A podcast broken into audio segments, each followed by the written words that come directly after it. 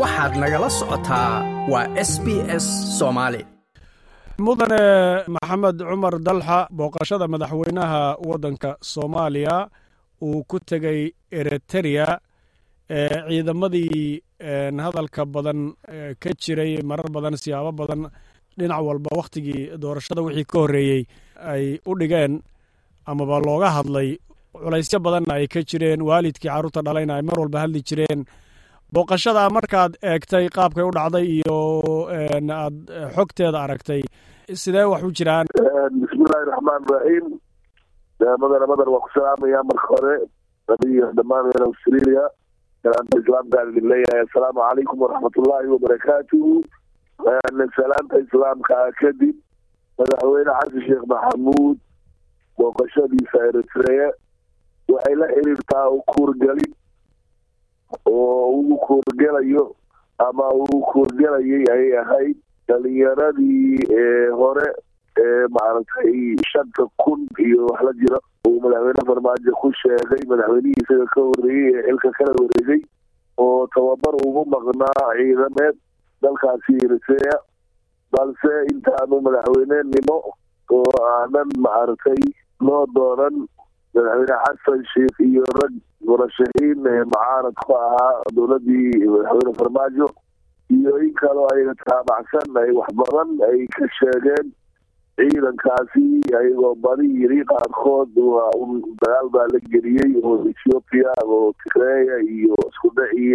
abiye dowladiisa iyo arrimo kale oo ayaga intaba mucaarado ku dhisnayd laakiin hadda kuurgelintii uu sameeyey iyo ballamihii isaga markii hore uu qaaday markuu tegay halkaasi wuxuu ku soo arkay wixii markii hore ee isaga ee u aaminsanaa isagii raggii ee markaas la fikirka ahaa wax ka duwan wuxuuna ummadda soomaaliyeed uu u sheegay inay badqabaan oo dhalinyaradaasi isla markaasna hadda miidiyaha iyo baxda maaragtay warbaahintuna ay soo bandhigeen ayaga oo runtii aad u tiro badan oo isaga hortaagan yahay la hadlayaan isaga iyo madaxweynaha naseya fawaki aana hadda meesha ay ka baxday wixii markii hore ee ay ahayd iyo wixii markii hore lagasoo fidinayay daxaayadkii iyo wixii la halmaaday. Mudane waxaa isweydiin leh marka horeba shakiga maxaa keenay? Ciidamo badan baa soomaaliya loo tababarayey oo la geeyey turkiga iyo meelo kaleete. Cid wax ka hadlaysa lama maqal. Eritrea ciidanka la geeyey su'aashu waxay tahay maxaa muranka geliyey waxaa muranka geeyey wax badan marka siyaasadii ee hadda aan annaga wax weliba aan ka dhigno oo la siyaasadeeyo. Xilli oo kala guur iyo doorasho iyo cambayn lagu jirane mar waliba wuxuu isku dayayaa wuxuu kaga faa'iidaysan karo. Inta badan siyaasiyiintu ay isticmaalaan inay ka soo gudbiyaan ceebo oo ay isleeyihiin waad kaga zaa'id calayn kartaan. Marka mama ma dhaafiisanayn wararka tirada badnaa iyo waxyaabaha ee laga telinayay ee lalahaa wiilashaasi dagaal baa la geliyey way leedeen wiilashaasi maaragtay dhibaatooyin fara badan meesha markii ay tageen la kulmeen iyo waxyaaba aada runtii niyadjab ku riday. Inta badan caruurtaasi waalidiintii dhaleen. Iyadoo marka inta badan inay buunbuuniska uu maarta ku badnaa. Dadka mucaaradada ahaa ee murashaxiidka aba u badnaadeen wayda inta badan haleyska ka dhiganayay. Laakiin waxaan dhaafsiisanayn cambayn unbay ahayd maaragtay oo haddana meesha ku soo afjarantay markuu isaga u tegey midda kale iyada lafteeda marka laga kaalayo arrimaha mucaaradkii iyo dowladdii markaa jirtay ee iyagu isku turtuurayey dhanka waalidiinta haddaynu fiirino wakhtigii dowladdii hore xukuumaddii iyo dowladdii hore ee farmaajo madaxweynaha ka ahaa xagga waalidku culaysyo badan oy dareemeen kulamo badan ay dalbadeen qaylo badan oo ay caruurtooda iyo duruufaha ay ka keeneen. Maadan arkaynin jawaabo badan oo markaas waalidiinta aamusiya ama ku filaada dhankaas maxaad is leedahay labada dhinac inay ku kala duwan yihiin? Madan oo xaqiiqada markaan ka hadalno laysa alkhabaru or kal mucaayana watii la yidhi wax lagu sheegay waxaad sheegid waa kala labo.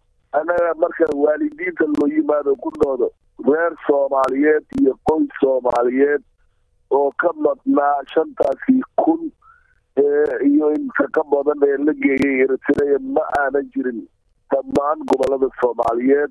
Meel weliba maaragtay ee dhalinyaradaasi waa looga yimid ciidankaasi. Waxa ayaga ee markii la qorayay xataa damaanad bixinay waxay ahaayeen hogaamiye dhaqameedyo iyo xildhibaano.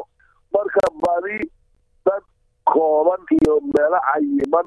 Ayay waxay ahaayeen waalidiinta kudhooda inta badi ee iyada qaylada iyo sawaxanka iyo hadalka maaragtay ee badi ee inta maaragtay media aad oga jeedeen ayay ahaayeen kuwa badan. Marka marka sidaasi darteeda laftirkeeda siyaasadda meela weliba maaragtay lugta ayay la gashay oo wejiyo badan bay lahayd.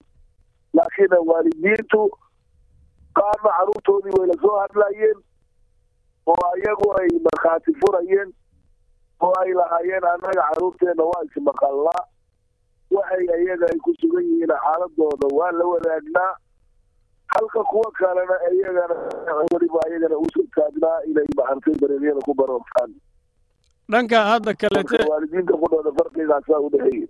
Dhinaca kale sawiro laga soo qaaday dadka baraha bulshada iyo sheekooyinka laga hayay kaba ay xidhnaayeen ama qaabkay u muuqdeen dad badan baa hadallo ka keenay. Si gaara baraha bulshada aad baa looga hadal hayaa maalmihii dhoweyto ee sawiradan ay soo galeen madaxweynuhu markuu la kulmay ciidanka soomaaliya ee eritrea lagu tababerayey taa iyadu marka lafteedu maxay noqon iyadana? Wallaahi dadka niyadda san ee aanan ku jirin wax ka badan caruurtaasi ma nool yihiin? Caruurtaasi xaaladooda waa sidee? Marka madaxweynuhu oo isaga hor istaagay ee uu guddiisa qiirooday ee wax badan maaragtay maskaxdiisa markii hore ee ku jiray inay ka bedelmeen uu caddeeyey dadkii niyadsan waxay ahaayeen kuwa la wadaaga shucuurkaasi madaxweynuhu. Laakiin dadkii awalba si kale ayaga ay iska qabeyno de waxaa layidhi ninka caydaadana xataa ilkaaga cadcadaantooda waxbuu ka sheegaya markuu wax kaa sheega uu waaye. Kabahaasi waxaabna loogu sheegay annaga kabaha ugu qaalisan ee taariikhiga ah ee buuraha markay ka dagaalamayeen eritreyaanku ayaga ay qaadan jireen.